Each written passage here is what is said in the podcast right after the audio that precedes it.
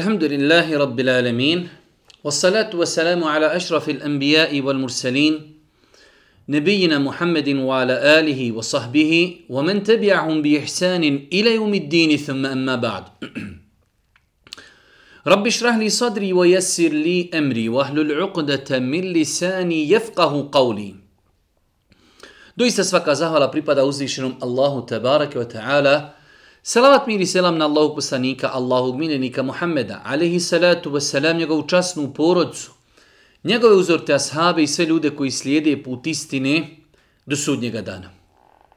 Uvažene braće i poštovani sestre, uvaženi gledatelji, evo nas u još jednoj emisiji u kojoj se družimo sa odabranim kuranskim ajetima.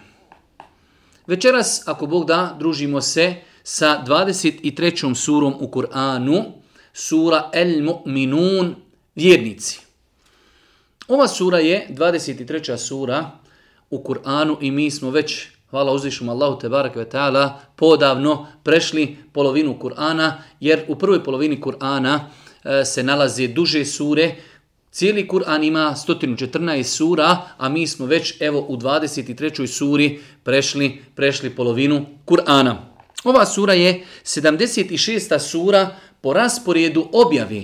Jer znači, mi smo više puta govorili da sure onako kako su objavljivane nisu one eh, znači objavljivane rasporedom kako se danas nalazi u Kur'anu, već je Allah poslanik alejhi salatu ve selam dobivao objavu onako kako je bila potreba za objavom, a onda bi Boži poslanik pisarima govorio gdje i na koji dio Kur'ana da uvrsti ajete koji su mu objavljivani. Sura El Mu'minun objavljena je nakon sure At-Tur. Ona je 75. sura koja je objavljena Božijem poslaniku, a nakon nje je objavljena sura Tebarek, 77. sura. Ova sura ima 118 ajeta i po konsenzusu islamskih učenjaka ona je sura iz mekanskog perioda i rekli smo da je mnogo bitno kada čovjek čita Kur'an da razumije i zna da u naslovu pogleda znači suru koju čita, da li je to sura medinska ili mekanska, jer svaki od ova dva perioda ima svoje velike odlike. Islamski učenjaci su definisali šta je tu mekanski period objave i šta je medinski, pa su kazali sve što je objavljeno Božijem poslaniku prije hijđre smatra se mekanski, a sve što je objavljeno nakon hijđre smatra se medinski, makar bilo objavljeno i u Mekki. Jer su Božijem poslaniku, ali se letu neke stvari nakon hijđri, kada je učinio, učinio oprosni hađ, objavljivan mu je Kur'an u Mekki, ali se to smatra medinski period, jer je to period u kojem je Allah poslanik ali se letu selam boravio u Medini. Ova sura, vidjet ćemo, e, znači, njene određene osnovne poruke jeste opis mu'mina, opis mu'mina, s druge strane, znači e, opis mu'mina koji će uspjeti na dunjalku i na ahiretu, s druge strane, suprotno tome, propast onima koji ne budu vjerovali u Allah subhanahu wa ta'ala. Isto tako ova sura mnogo, e, mnogo pažnje posvećuje tauhidu, jednoći uzvišnom Allahu subhanahu wa ta'ala, te dokazima koji potvrđuju tu činjenicu. Uzvišnji Allah subhanahu wa ta'ala počinje suru El Mu'minun sa 11 ajeta u kojima opisuje vjernike. Pa kaže uzvišeni Allah, kad efleha al mu'minun, ono što žele vjernici će doista postići.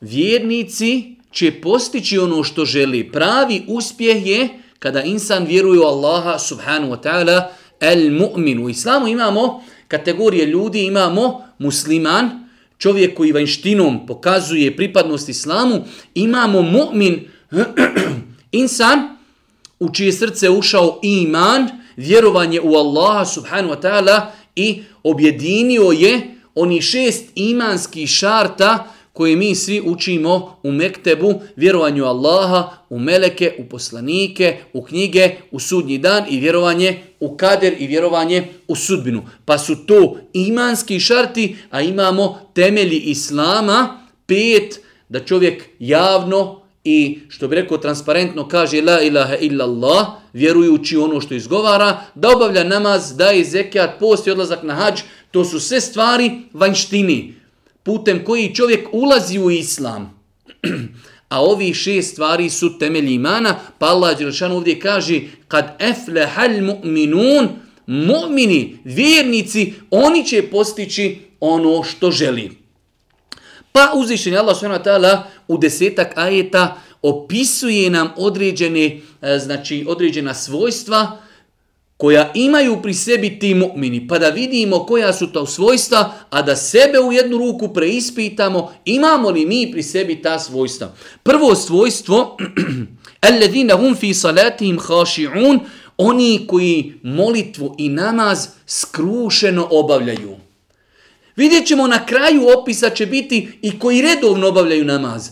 Prvo svojstvo mu'mina jeste da skrušeno namaz klanjaju. Nažalost, skrušenost je nešto što se izgubilo kod Arapa koji razumiju Kur'an kada uče u namazu, a da ne govorimo koliko se skrušenost izgubila kod nas, kod ljudi koji ne razumijemo ono što učimo u namazu. Pa je znači prvo svojstvo koje uzvišeni Allah spominje od mu'mina koji će uspjeti i postići ono što želi, jeste da skrušeno namaz obavljaju. Pa vjernik ne samo da treba da se trudi da redovno klanja, ne. Treba da redovno klanja i da svoj namaz skrušen obavlja, da razmišlja onome što klanja, da na njega ostavlja traga namaz. Da čovjek nakon namaza bude bolji, jači, imanski potpuni. Zašto? Jer razumije ono što se uči. Nakon toga, وَالَّذِينَ هُمْ عَنِ اللَّغْوِ مُعْرِضُونَ To su oni koji ono što ih se ne tiče izbjegavaju. Drugi opis mu'mina jeste da oni izbjegavaju ono što ih se ne tiče. Kažu mu Fesiri Kur'ana, oni izbjegavaju sav batil, svu neistinu, sve što nije tačno, širk na prvom rijedu, izbjegavaju grijehe, nakon toga na trećem stepenu izbjegavaju ono od čega nema nikakve koristi od postupaka i od dijela. Allahu ekber, koliko nam je danas u današnje vrijeme društvenih mreža, interneta, Facebooka, Instagrama, koliko nam je ovo svojstvo bitno. Kaže uzvišeni Allah, وَالَّذِينَ هُمْ عَنِ اللَّغْوِ مُعْرِضُونَ Oni, oni izbjegavaju, ostavljaju ono što ih se ne tiče. Allahu ekber, mu'ridun.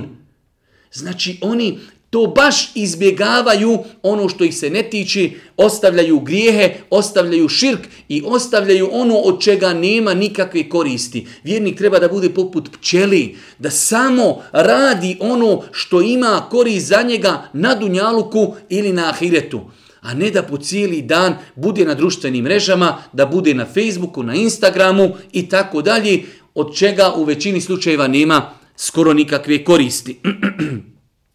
Treći opis kaže وَالَّذِينَ هُمْ لِزَّكَاتِ فَاعِلُونَ To su oni koji zekija daju, milostinju daju. Milostinja u islamu imamo dvije vrste. Milostinja obavezna, zekijat koji se daje na određene, određene vrste i metka.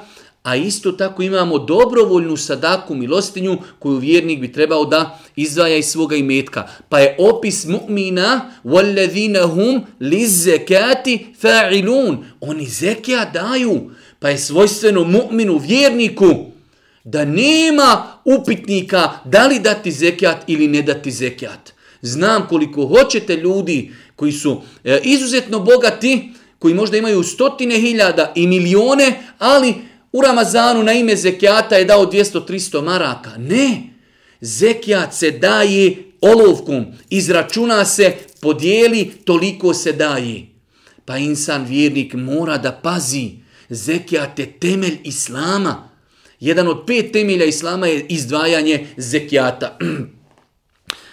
Nakon toga kaže uzvišeni Allah وَالَّذِينَ هُمْ لِفُرُوجِهِمْ حَافِظُونَ إِلَّا عَلَى إِزْوَاجِهِمْ أَوْ مَا مَلَكَتْ أَيْمَانُهُمْ فَإِنَّهُمْ غَيْرُ مَلُومِينَ فَمَنِ ابْتَغَى وَرَاءَ ذَلِكَ فَأُولَٰئِكَ هُمُ الْعَادُونَ U tri ajeta uzvišeni Allah govori da su e, vjernici oni koji čuvaju svoja stidna mjesta, da čuvaju svoja stidna mjesta što ih pokrivaju i da čuvaju svoj spolni organ od onoga što im je haram i zabranjeno. Znači vjernik i vjernica Kaže uzvišeni Allah subhanahu wa ta'ala وَالَّذِينَ هُمْ لِفُرُوجِهِمْ حَافِظُونَ Oni čuvaju svoju intimu, čuvaju svoja stidna mjesta, oni pokrivaju avrete, ali isto tako čuvaju se od zabranjenog načina stupanja u intimne kontakte. Pa kaže uzvišeni Allah subhanahu wa ta'ala i koji stidna mjesta svoja čuvaju, osim od žena svojih ili onih koji su u posjedu njihovu. Oni doista prijekor ne zaslužuju, a oni koji pored toga traži, oni u zlu sasvim pretjeruju.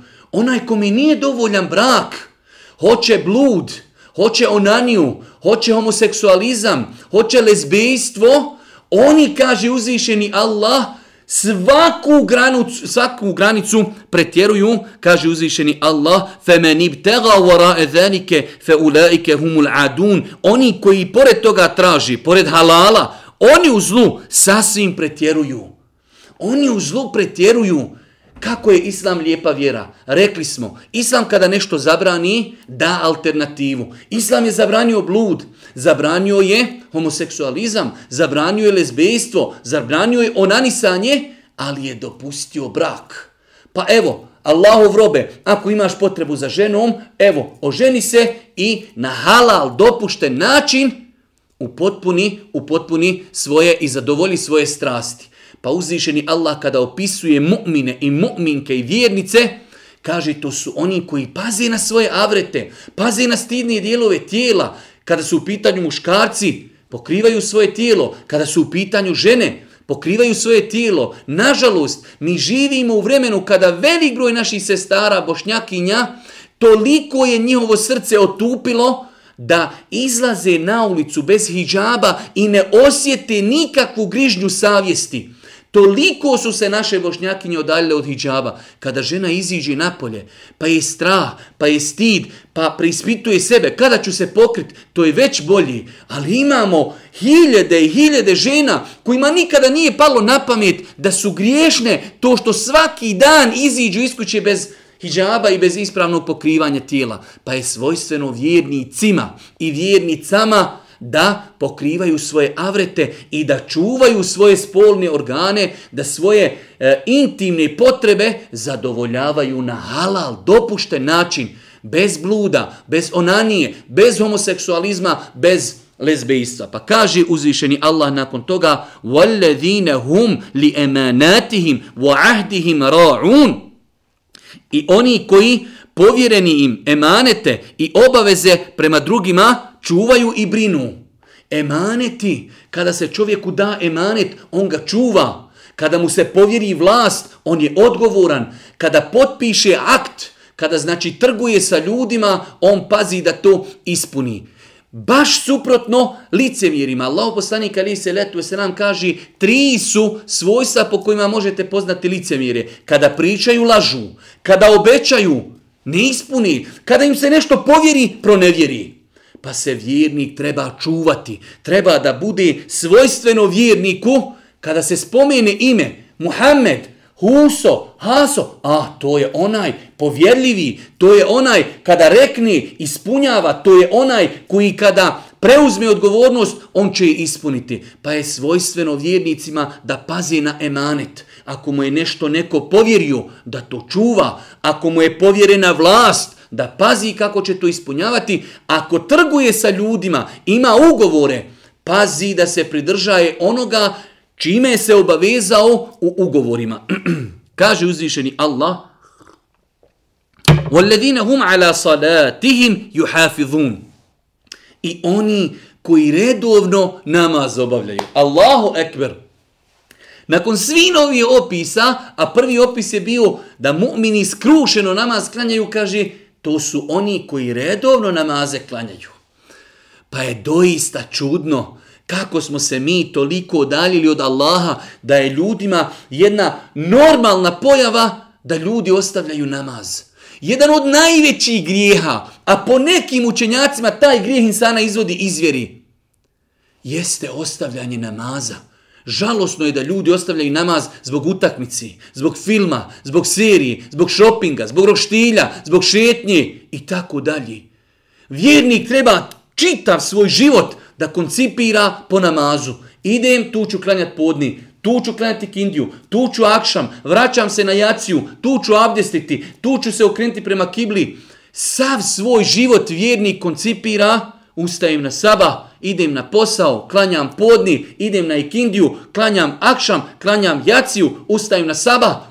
Sav naš život treba da bude vezan za namaze. Sutra putujem u Tursku, a gdje ću klanjati podni, a gdje ću klanjati kindiju? Sutra idem za Njemačku, a gdje ću se zaustaviti, a kako ću abdestiti, a gdje ću prema kibli se okrenuti?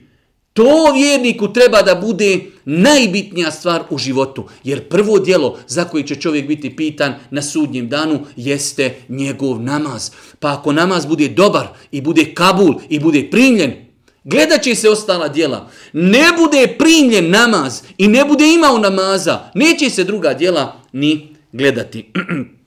pa kaže uzvišeni Allah na kraju, Ulaike humul warithun, Allazina yarithuna al-firdausa hum fiha khalidun. Oni su dostojni nasljednici koji će džennet naslijediti, onu će, oni će u njemu vječno ostati. Ovi ovakvi sa ovim opisima, oni su dosljedni da, da, da džennet naslijedi i u njemu će vječno ostati. Zato Allah Đelšanu kaže na početku kad efleha mu'minun, vjernici, mu'mini, oni će postati i postići ono što želi. Šta žele mu'mini? Želi Allahovo zadovoljstvo, želi džennet. Kaže ulaike humul warithun, alladhine yerithun al eh, alladhine yerithun al firdausa hum fiha khalidun. Oni su dostojni nasljednici koji će džennet firdeus naslijediti oni će u njemu vječno, oni će u njemu vječno ostati.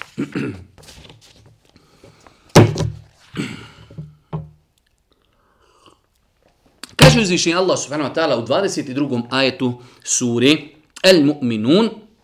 Rekli smo da je Kur'an takav da sada govori o jednoj tematici, nakon toga odmori, odmah govori o nečemu apsolutno drugom.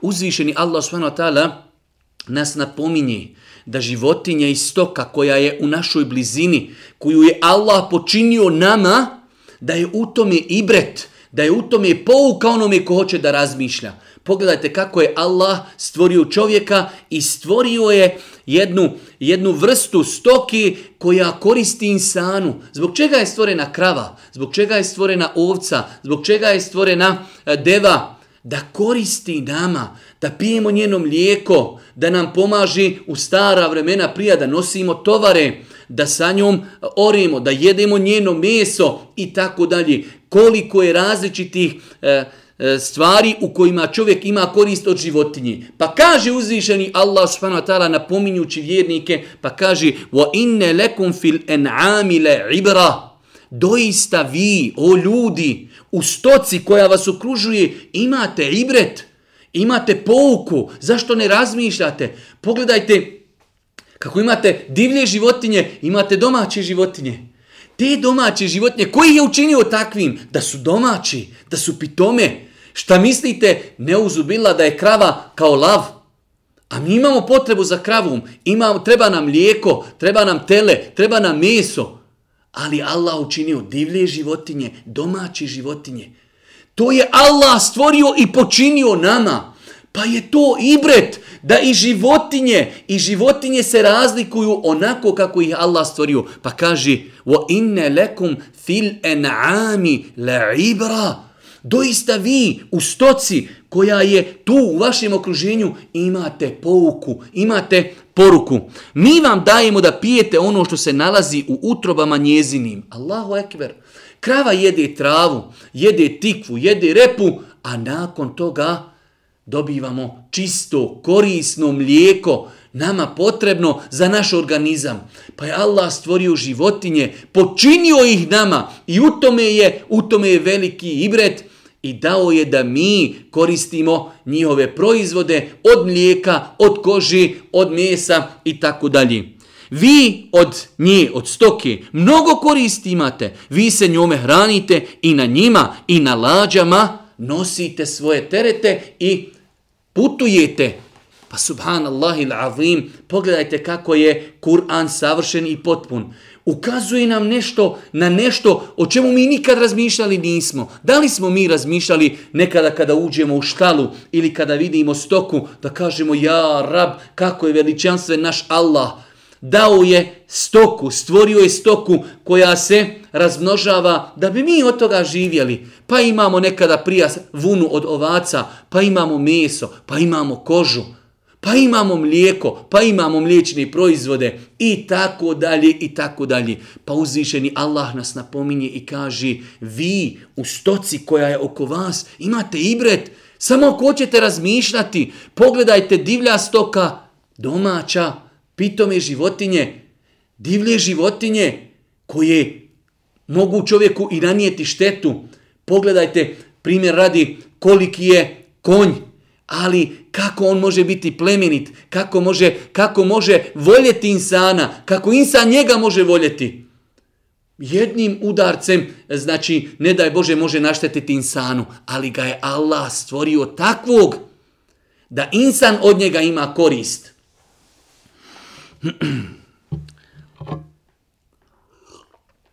Nakon toga uzvišnji Allah subhanahu wa ta'ala Nakon što je spomenuo događaj sa Nuhom alaihi salatu wasalam, a mi smo o Nuhu alaihi salam govorili i ne želimo da se određene stvari ponavljaju, jer želimo da što više različitih tema tretiramo kroz ova naša predavanja. U jednom od predavanja smo govorili o Nuhu alaihi salatu wasalam, i ako Bog da tome se događaj više nećemo vraćati. Ali kaže uzvišeni Allah, nakon Nuha alaihi salam dolazi su poslanici, dolazili su svojim narodima, pozivali Allahu i da vidimo šta su su ljudi prija govorili poslanicima? Ono što ljudi i danas govore vjernicima. Ista je to filozofija, isti je to, isti je to koncept. Pa kaže uzvišeni Allah od 31. do 41. ajeta, malo, malo e, duži ajeti, ali ćemo ako Bog da to e, samo pročitati zbog koristi. Pa kaže uzvišeni Allah, poslije njih smo druga pokoljenja stvorili. Poslije Nuh a.s. i njegovih naroda i njegovih pokoljenja, kaže, stvorili smo druge narode i jednog između njih bismo im kao poslanika slali. Allahu se samo klanjajte, vi drugog Boga osim njega nemate, zar se ne bojite? Uvijek bi Allah ljudima slao poslanika jednog od njih. Ne bi dolazio poslanik koji živi, primjer radi, neko živi u Bosnu, ide on živjeti negdje drugo, pozivati drugo, druge ljude. Ne uvijek je Allahov rahmet i milost bila da je ljudima slao insana kojeg oni znaju. Znaju njegovo porijeklo, znaju njegove osobine, on priča njihovim jezikom, zna njihove adete, zna njihove običaje, pa je uzvišeni Allah ljudima slao uvijek poslanika iz njihovog roda od njih.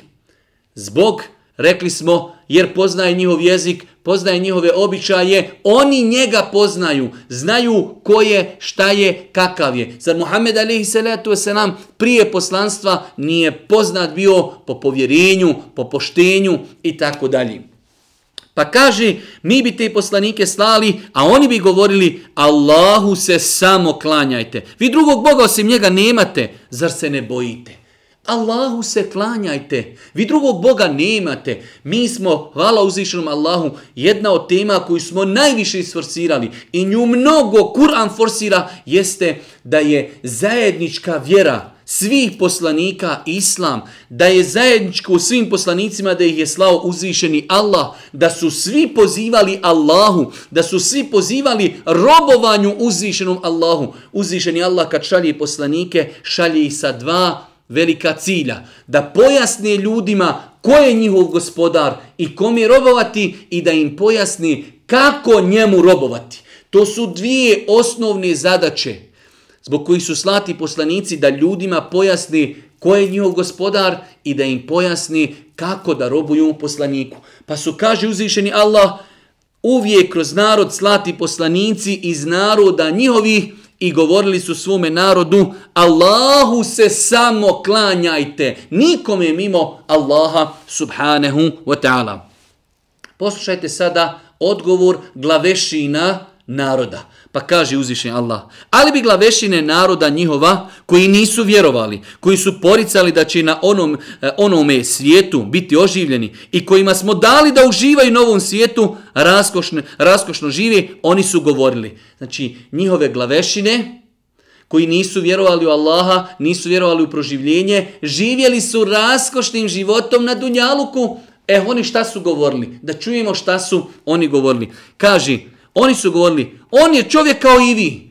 Kao, kako vi možete vjerovati poslaniku, on je čovjek. Oni su kao htjeli da Allah šalje ljudima meleke. A da pošalje Allah meleka, onda bi rekli, ej, pa lahko je njemu, on je melek, njega je Allah stvorio, nema nikakvih protjeva. Ne, Allahova mudrost i milost jeste da je ljudima poslanike slao iz njihovog roda.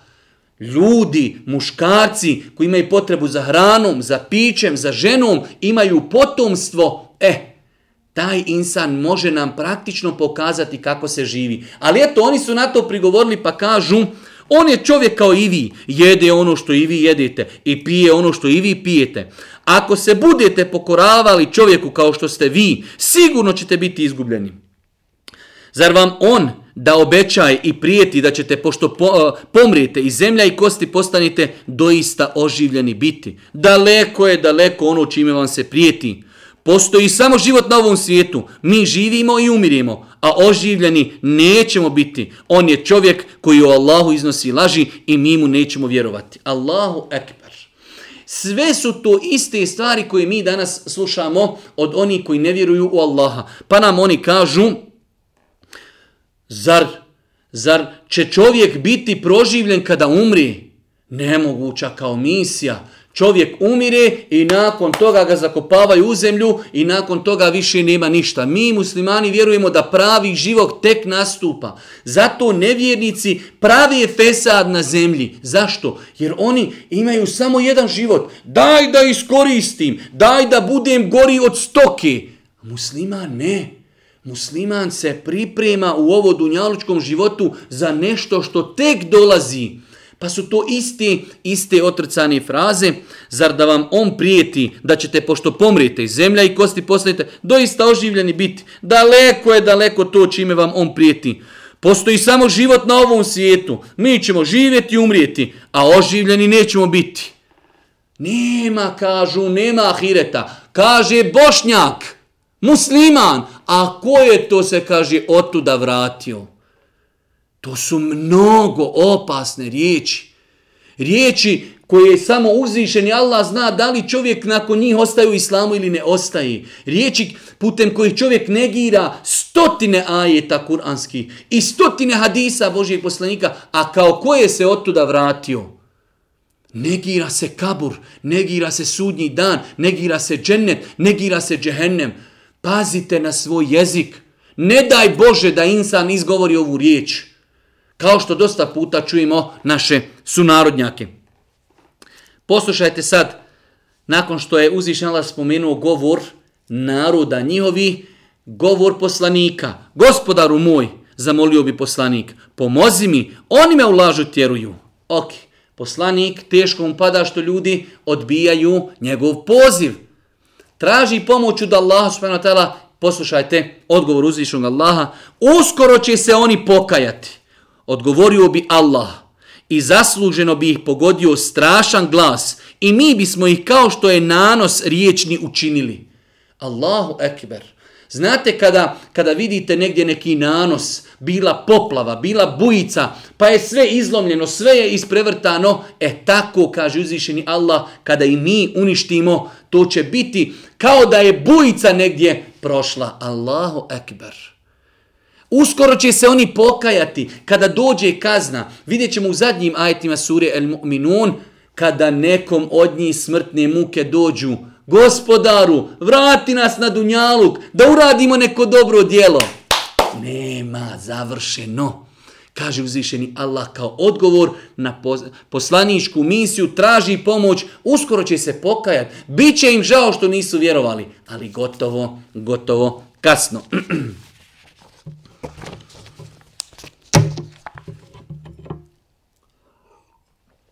U 50 u 51. ajetu sure El Mu'minun kaže uzvišeni Allah Ja ejuha rusul, kulu min at tajibati wa amelu saliha, inni bima ta'meluna alim. Uzvišeni Allah s.w.t. obraća se poslanicima ka, pa kaže o poslanici, o vjerovjesnici, jedite lijepa i ukusna jela. Jedite ono što je halal. O poslanici, dozvoljenim i, je, i lijepim jelima se hranite. I dobra djela činite, jer ja dobro znam šta vi radite. Uzvišeni Allah se obraća poslanicima i kaže jedite halal, jedite ono što je čisto, jedite ono što je dozvoljeno i radite dobra djela, jer ja doista znam ono što vi radite. Inna Allahe emara al-mu'minine bima emara bihil murselin. Allah je naredio i mu'minima ono što je naredio poslanicima. Pa ako uzvišeni Allah naređuje svojim odabranim robovima, poslanicima, da paze na svoju izranu, da jedu samo ono što je čisto, da jedu ono što je halal, da jedu ono što je dopušteno i dozvoljeno, kako onda mi, pod navnim znacima, obični koji nismo poslanici, trebali bi posvetiti pažnje svojoj izrani. Kaže se u vjerodostojnom hadisu da je Allah poslanik ali se letu veselam spomenuo jednog čovjeka koji je putovao na jednom dugom putovanju, pa je podigao ruke, dovi i tražio da Allah neku svoju potrebu, ali kaže Allah poslanik mat'amuhu haram, mešrabuhu haram, wa gudhije bil haram, fa enna yustajabu li dhalik. On jede, ha, jede što je zabranjeno haram, pije ono što je zabranjeno haram, odrastao je, odgojen je na haramu, pa kako da mu se Allah odazove? Mi danas imamo, znači, e, umet, ljudi stanu, dove, plaću, dove se ne primaju. Gdje je problem? Problem je što je danas teško naći insana koji pazi na halal, koji pazi na svoju hranu. Danas je čudo ljudima kad kažeš je li meso halal. Ljudi se sad tim ismijavaju. Halal meso koje je zaklano sa bismilom, koje je zaklao čovjek musliman, vjernik, Pa vjernik treba da pazi na svoju izranu. Allah Želšanu naređuje poslanicima Ja ejuha rusul, kulu minat tajibat. O, vje, o vjerovjesnici, o poslanici, jedite čistu halal hranu i radite dobra djela. Pa pogledajte, kažu islamski učenjaci, jedinje halal hrane i te kako ima veze sa činjenjem dobrih djela. Jedinje čiste halal hrane ojačava čovjeka, daje mu snage da čini dobra djela i završava uzvišeni Allah ovaj ajet, jer ja, uzvišeni Allah, dobro znam što vi radite. Insan treba da zna da Allah Đeršanu zna šta on radi, šta jedi, šta pije, kako se hrani i na koji način stiče svoju nafaku. Pa je ovaj ajet jedna velika formula, ako je Allah naredio poslanicima da pazi šta će jesti i kakvu hranu će jesti, onda je mnogo, mnogo prioritetnije da mi, njihovi sljedbenici, pazimo kakvu ćemo hranu jesti i da se u životu trudimo da nam ta hrana bude gorivo, da se time jačamo u činjenju dobrih dijela koje naš gospodar uzvišeni Allah i kako dobro poznaje. U 53. 52. i 3. ajetu suri El Mu'minun kaže uzvišeni Allah Wa inne hadhihi ummetukum ummeten wahide wa ana rabbukum fattakun fataqatta'u amrahum bainahum zubura. Kullu hizbin bima ladayhim farihun. Ova vaša vjera jedna je vjera. Uzvišeni Allah kaže poslanicima svim poslanicima ova vaša vjera jedna je vjera. I mi neprestano o tome govorimo. Nažalost, velik broj ljudi, čak koji se pripisuju islamu, ne sataju ovu činjencu. Od Adema alihi selam do Muhammeda alihi selam, svi poslanici su slati od Allaha i svi su pozivali istoj vjeri. Inne hadhihi ummetukum ummeten wahide. Ova vaša vjera, jedna vam je vjera. Svi poslanici su pozivali istom Allahu, robovanju svevišnjim Allahu, istoj vjeri. Jasno, inne hadhihi umetukum umeten wahide, vaša vjera, jedna je vjera, nema druge vjere. Inne dina inda Allahi el islam, kod Allaha jedna jedina vjera je islam. Juče smo vidjeli u suri el hađ, Allah vas je nazvao muslimanima i prije u historiji uvijek su pokorni vjernici se zvali muslimani, uvijek je vjera koju su pozivali poslanici bila islam. Inne hadihi ummetukum ummeten wahide, doista ova vaša vjera, jedna je vjera, svi poslanici su pozivali istoj vjeri. A ja sam gospodar vaš, pa me se pričuvajte. To je prva konstatacija, jedna je vjera i jedan je gospodar. Kaže uzvišeni Allah, a oni su se u pitanju vjere svoje podijelili na skupine. Svaka stranka radosna onim što ispovijeda. Allahu ekber. Ovaj kuranski ajet je opet jedna nova kuranska formula, kaže uzvišeni Allah subhanahu wa ta'ala, Kullu hizbin bima ledejhim ferihun. Kullu hizbin bima ledejhim ferihun. Nakon što su znači dolazili poslanici, ljudi su se podijelili u frakcije, u stranke, ali kaže svaka stranka se veselila onome što ona ima. Poput muslimana današnjici. Danas muslimani su pocijepani i politički, ali i vjerski. Imamo sekte unutar islama, imamo muslimane koji su se politički podijelili i svi tvrde samo smo mi na istini. Samo smo mi pravi, samo bujrum kod nas. Ostali su na dalaletu. Kullu hizbin bima ledejhim ferihun. Svaka skupina, svaka stranka raduje se i veseli se zbog onoga što imaju. Oni su, kao što kažu mu Fesiri, za sebe tvrdi, mi smo jedini na istini i na haku. Ko je na istini, ko je na haku? Onaj ko slijedi Kur'an i onaj ko slijedi sunnet Muhammeda alaihi salatu wasalam. Sve mimo toga, dok moram sebi naditi neko ime, zašto moram sebi naditi ime šija? Ja sam musliman. Zašto sebi moram naditi ime Sufija? Ama ne, ja sam musliman. Zašto moram sebi naditi neko drugo ime? Ja sam musliman. Živim po Kur'anu i živim po sunnetu Muhammeda alaihi salatu wasalam. Muhammed alaihi salatu wasalam sebe i svoje ashabe nije nazivao osim muslimanima.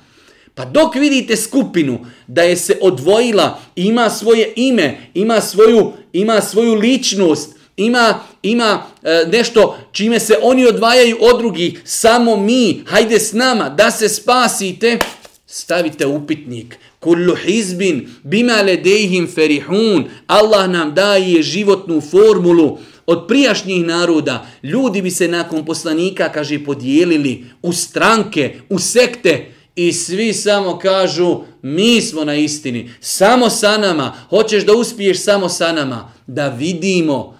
Ibn Taymiyyah rahmetullahi alihi znao kazati kada bi vidjeli čovjeka i ako vidite čovjeka da ide po zraku, da leti, da hoda, kaže njegova dijela izvagajte Kur'anom i sunnetom. Kada nam neko kaže ja na istini, samo sa nama, bujrom dođi vamo da te izvagamo Kur'anom i sunnetom. Koliko se pridržavaš Kur'ana i sunneta, toliko ćemo te mi poštovati, uvažavati i toliko ćemo te slijediti. Sve mimo toga odbacujemo.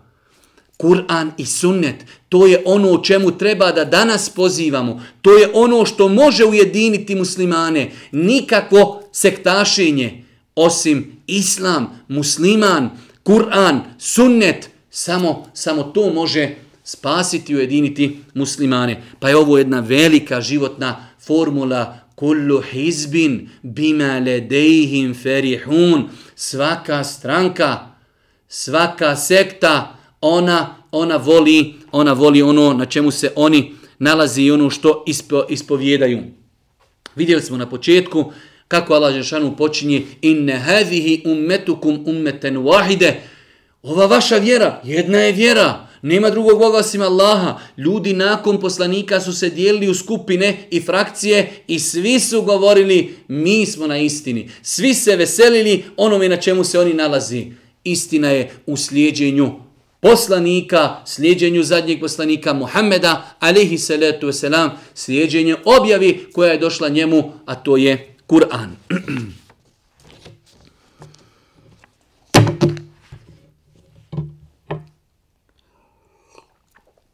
U 60. 61. i 2. ajetu sure El Mu'minun kaže uzvišeni Allah وَالَّذِينَ يُؤْتُونَ مَا آتَوْا وقلوبهم وجلة أنهم إلى ربهم راجعون أولئك يسارون في الخيرات وهم لها سابقون لا نكلف نفسا إلا وسعها ولدينا كتاب ينطق بالحق وهم لا يظلمون I oni koji od onoga što im se udjeljuje daju i oni od onoga što im se daje udjeljuju i čija su srca puna straha. Allahu ekber. Allah je kada opisuje mu'mine, kaže oni udjeljuju.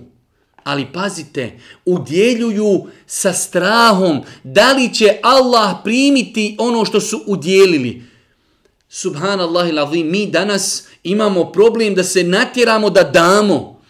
A pravi vjernici, njima nije problem udjeliti. Oni udjeljuju, ali strahuju. Da li sam bio iskren u svome, u svome dijelu, u svojoj sadaki, kada sam je davao, da li su se ispunili uvjeti da moja sadaka bude primljena kod uzvišenog Allaha. Pa je svojstveno vjernicima da kada uradi dobro dijelo, da moli Allaha, da očekuju, da traži, da strahuju, da li će njihovo dobro djelo biti primljeno. Pa kaže uzvišeni Allah i oni koji od onoga što im se daje udjeljuju i čija su srca puna straha. Strah da će se vratiti Allahu i strah da li će njihovo dobro djelo koje su radili biti primljeno kod uzvišenog Allaha. Pa je nastavlja Allah Žešan upisuje vjernike i kaže oni žuri da čine dobra djela. I radi njih druge pretiču. Allahu ekber. Ulaike yusariune fil hajrat, wa hum leha sabiqun. Oni žure da urade dobro djelo. Svojstveno mu'minu je da je kao pčela. Kada god vidi priliku da uradi dobro djelo, daj. Sergija, daj Marku. Čovjek traži, daj, pomozi. Znači gdje god može uraditi mu'min dobro djelo, on radi. Nemojte, kaže Allah poslanik, pocenjivati dobro djelo, makar to bilo da sretniš brata muslimana sa ozarenim licom. Da mu kažeš lijepu riječ, da skloniš nešto sa puta, da ljude ne vrijeđaš, da se sustegneš od grijeha i to je sadaka. Kako je islam lijep, kako je islam širok, pa kaže uzvišeni Allah subhanahu wa ta'ala, ulaike yusariune fil hajrat, Oni hitaju, žuri da uradi dobro djelo i radi njih druge pretiču. Oni se natječu, oni žure da urade dobro djelo i s drugima se natječu da oni budu prvi koji će uraditi da budu prvi koji će uraditi dobro djelo. Kaže uzvišeni Allah nakon toga وَلَا نُكَلِّفُ نَفْسًا إِلَّا وُسْعَهَا Mi nikoga ne opterećujemo preko njegovih mogućnosti. Ovo je jedno veliko kuransko pravilo koje se spominje na više mjesta u Kur'anu. La nukellifu nefsen illa vus'aha. Mi, uzvišeni Allah, ne opterećuje insana preko njegovih mogućnosti. To je počast i lepota Islama. Islam nije došao da kaže dnevno 200 namaza, dnevno toliko sadake, dnevno toliko postit. Ne, ono što je propisano, propisano je zbog nas. Ono što možemo podnijeti. Nikako nemoguće je naći u islamu propis da čovjek kaže e ja to ne mogu raditi. Može se desiti vanredna situacija. Može se desiti jer čovjek bolestan, operisao kičmu pa ne može ići na seđdu. Imamo za to rješenje, klanjaj sjedeći i tako dalje. Ali neće šerijat, islam, doći čovjeku koji ima operaciju leđima i kaže ne, moraš seždu čim nek ti popucaju leđa. La yukellifullahu nefsen illa wus'aha. Allah ne opterećuje i ne naređuje svome robu osim ono što on može učiniti. Pa ovo što je nama naređeno od namaza, od posta, od hađa, od zekijata, od ostavljanja grijeha, to je ono što mi možemo, samo je pitanje želimo ili hoćemo li. Ali je to sigurno u granicama ljudske mogućnosti, pa je uzvišeni Allah daleko iznad toga da svojim robovima naredi nešto što oni ne mogu uraditi. A da zbog toga poslije polažu račune. Pa je ova naša vjera, elhamdulillah, vjera koja je e, takva da se može prakticirati. Taha ma enzelna alejke l-Qur'ane li teška. Mi ti nismo Kur'an objavili. Da se mučiš, da budeš nesretan. Objavili smo ti da budeš sretan, zadovoljan. Može se živjeti po Kur'anu, po sunnetu. Može u datom momentu, u određenom podneblju, zbog faktora vanjskih u društvu da teško bude čovjeku kada je vjernik praktičar. Ali nije to zbog islama, to je zbog društva i faktora trenutnog stanja u određenom društvu.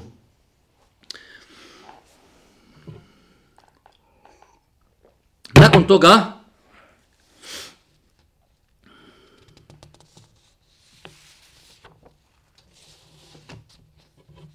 Uzvišnji Allah subhanahu wa ta'ala u suri Al-Mu'minun u 78. ajetu kaže وَهُوَ الَّذِي أَنْشَأَ لَكُمُ السَّمْعَ وَالْأَبْصَارَ وَالْأَفْئِدَ قَلِيلًا مَا تَشْكُرُونَ On vam daje sluh i vid i pamet i razum i srce. A kako malo vi zahvaljujete. Allahu ekber. قَلِيلًا مَا تَشْكُرُونَ On je taj koji vas je stvorio. Vidjeli smo na početku sure, on je taj koji je počinio sve na zemlji nama. Huwa alladhi khalaqa lakum ma fil ardi jami'a. On je sve za vas stvorio na zemlji. Stoka je nama počinjena. On nam dao oči, on nam dao sluh, on nam dao jezik, on nam dao srce, on nam dao razum. Sve je to od Allaha. Qalilan ma tashkurun. Kako malo vi zahvaljujete Allahu. Da li je zahvaljivanje Allahu kada stvori čovjeka? U fi ahseni takvim stvori čovjeka u najljepšem obliku. Pogledajte životinje. Koliko je insan ljepši od životinje u svakom pogledu.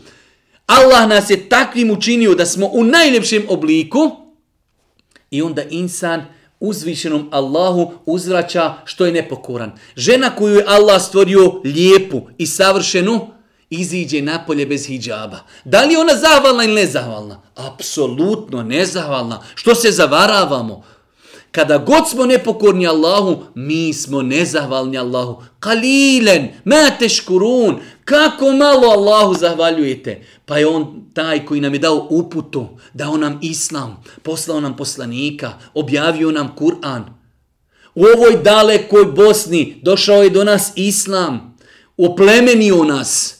Imamo mi ljude oko nas koji su i te kako se razlikuju od nas. Apsolutno znam šta govorim. Glavna razlika zašto se nemuslimani iz naših podneblja razliku od muslimana samo zato što je muslimane oplemenila njihova vjera. Mi muslimani u našoj historiji se ničega ne stidimo. Nema u našoj historiji nikakvi logora, nema nikakvi ubijanja. Zašto? Jer nas je oplemenila naša vjera. I onda kada musliman i pogriješi, drugi su spremni da to osudi. Apsolutno. Pa je islam taj koji je čovjeka oplemenio. Kaže uzvišeni Allah, kalilen ma teškurun, kako vi malo zahvaljujete. Allah vas počastio islamom, islamom, počastio vas poslanikom, počastio vas moralnim osobinama, počastio vas dunjalučkim uživanjem, i vi opet nezahvalni svome gospodaru. Pa insan, kada čita ovakve ajete, treba da se preispita, ja rab, ko sam, šta sam, kakav sam, gdje koristim svoje vrijeme, gdje koristim svoje tijelo, gdje koristim svoj novac, da li sam zahvalan Allahu, da li obavljam ono što mi je obaveza, da li ostavljam ono što mi je zabranjeno ili ne, da li sam zahvalan ili sam nezahvalan.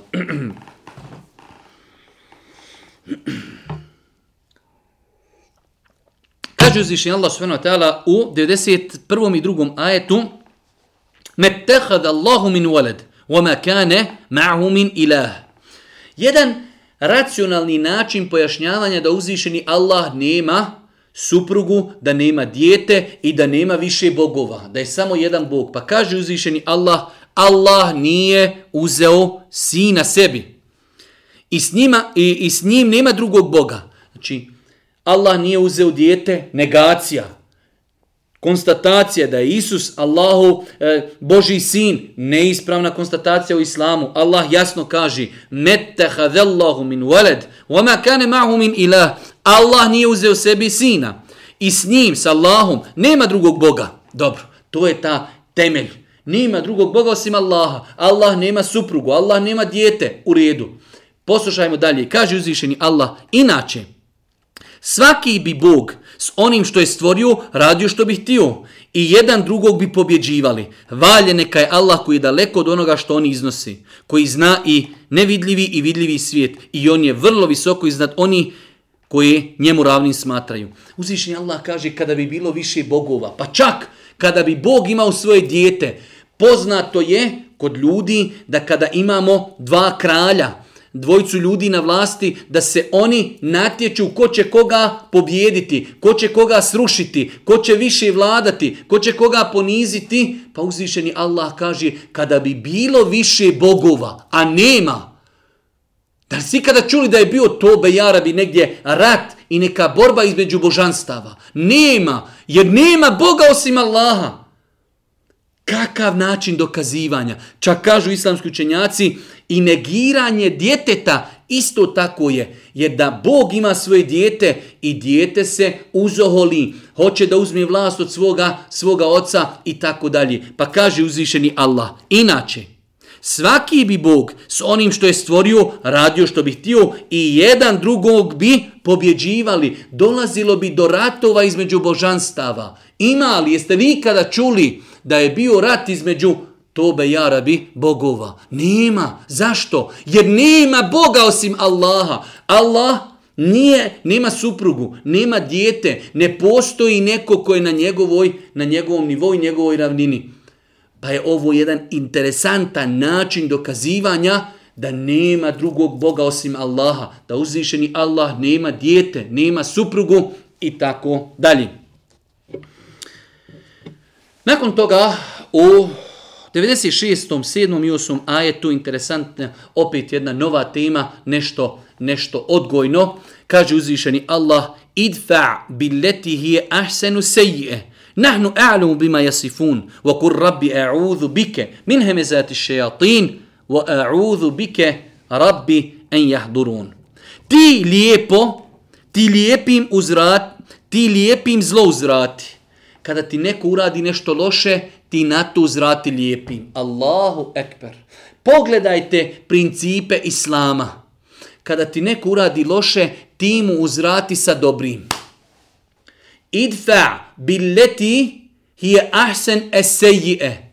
Idfa billeti hije ahsenu sejje. Nahnu a'lamu bima yasifun. Ti lijepim zlo uzrati. Mi dobro znamo šta oni iznosi. I reci, Tebi se ja, gospodaru moj, obraćam za zaštitu od došaptavanja šetanskih i tebi se, gospodaru moj, obraćam da me od njihova prisutstva zaštitiš.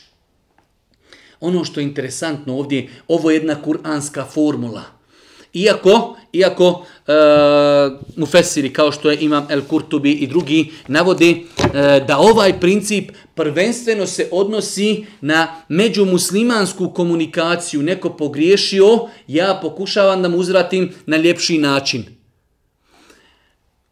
Kao što navodi Imam El Kurtubi i neki drugi mufesiri. Ali to je veliki islamski princip na zlo uzvrati dobrim. Allahu ekber.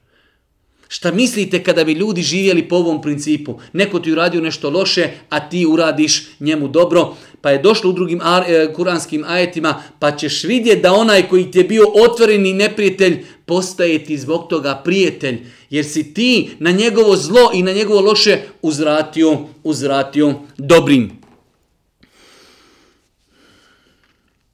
Kaže Omer radijallahu ta'ala jedna izuzetno lijepa, interesantna izjava koju sam danas pročitao kada sam pripremao ovo predavanje e, i objavili smo je i na Facebooku. Kaže Omer radijallahu ta'ala ne možeš ti nekoga kazniti ko ti uradio nešto loše, ko u pogledu tebe krši Allahove propise, ne možeš ga na veći način i bolji kazniti nego da ti prema njemu budeš pokuran Allahu. Allahu ekber.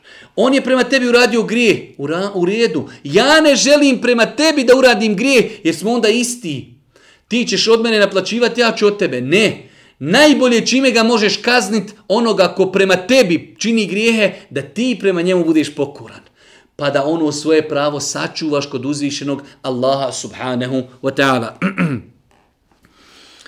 U 99. i 100. ajetu sure El Mu'minun, Allah Đelšanu govori o onom momentu koji tre, ne, uzvišnji Allah subhanahu Tela ta'ala govori o tom momentu koji neminovno čeka svakog od nas, a to je moment odlaska sa Dunjaluka, moment smrti.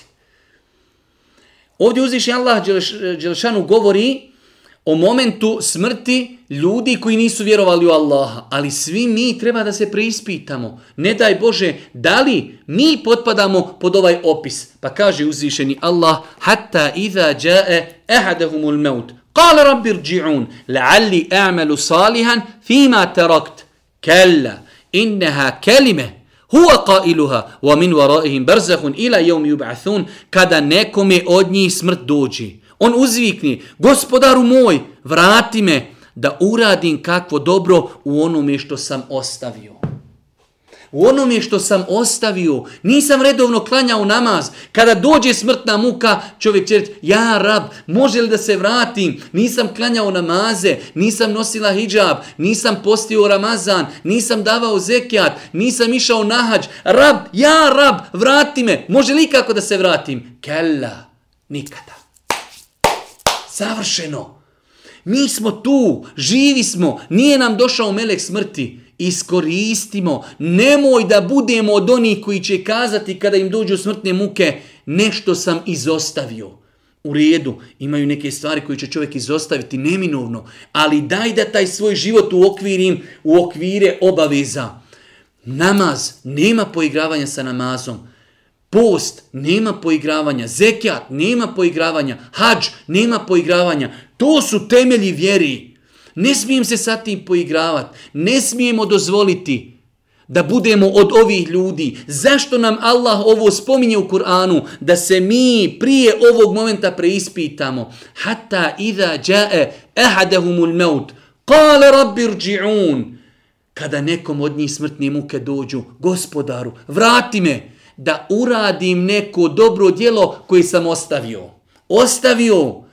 Nisam nosila hijab. Ja, rab, vrati me, pa da sad nosim hijab. Nemoj da bude moj prvi hijab čefinu kojeg će me zamotati kada mi budu klanjali dženazu. Ja, rab, vrati me da ne idem više u kladioncu. Ja, rab, vrati me da ne pijem alkohol. Kella, nikada. To je samo, kaže, riječ koju će on bespotrebno izgovarati. Pa kaže uzvišenje nikada. To su riječi koje će on uzalud govoriti. Allah nam je dao objavu. Zašto je ne čitamo? Zašto se ne preispitamo? Nemojte da budemo od onih koji su čuli ovaj ajet i opet ćemo biti od onih koji će kazati Rab, ja rab, vrati me. Pokušajmo da svoj život organiziramo, da svoj život upotpunimo sa osnovnim, najbitnijim potrebama i naredbama Islama. Temeli Islama ne smiju biti upitni.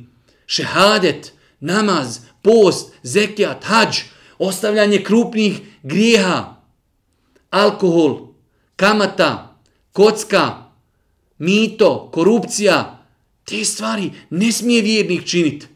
A u svemu tome će se desiti neki mali grijesi zbog kojih će insan moliti Allah Đelšanu da mu oprosti.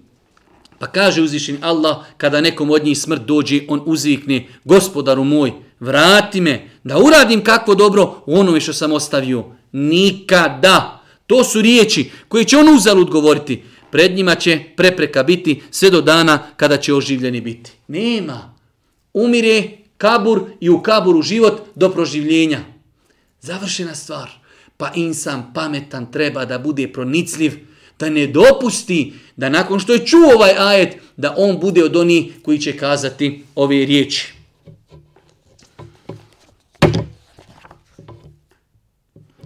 Predzadnji ajet ili manja skupina ajeta koji ćemo komentarisati u večerašnjem druženju suri El Mu'minun jesu ajeti od 101. do 104. ajeta.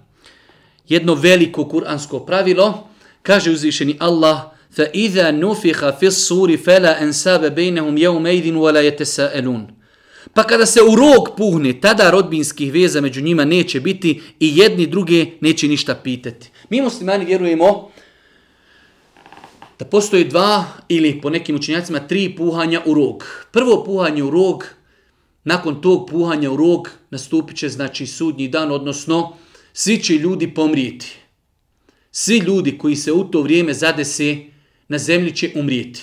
Osim onih koji Allah želi da izostavi, kaže Allah poslanik alaihi salatu wasalam, melek koji je zadužen za puhanje u rog, velik broj učenjaka kaže da je to Israfil, On kaže, neprestano stoji i gleda u arš i ne trepće nikako, jer se boji da će mu Allah narediti da puhne u rog, a on u tom momentu tripnu. Pa on cijelo vrijeme gleda u arš, očekuje naredbu da se puhne u rog, koliko je sudnji dan blizu.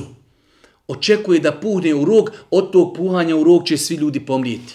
Pa će ponovo puhnuti, pa će ljudi biti proživljeni za polaganje računa. Pa kaže uzvišeni Allah, pa kada se u rog puhne, tada rodbinske veze među njima neće biti i jedne, druge, ništa neće pitati. Kada dođe insa na sudnji dan, ništa mu ne znači što mu je prezim Kurešija ili Pezić ili ovaj ili onaj. Na sudnjem danu samo mi i naša dobra djela. Ništa nam ne znači što smo iz tog plemena, iz, to, iz te države, sa tim pasošem, sa tim prezimenom, ništa. Samo mi i naša dobra djela koja smo činili. Ovo je velika škola.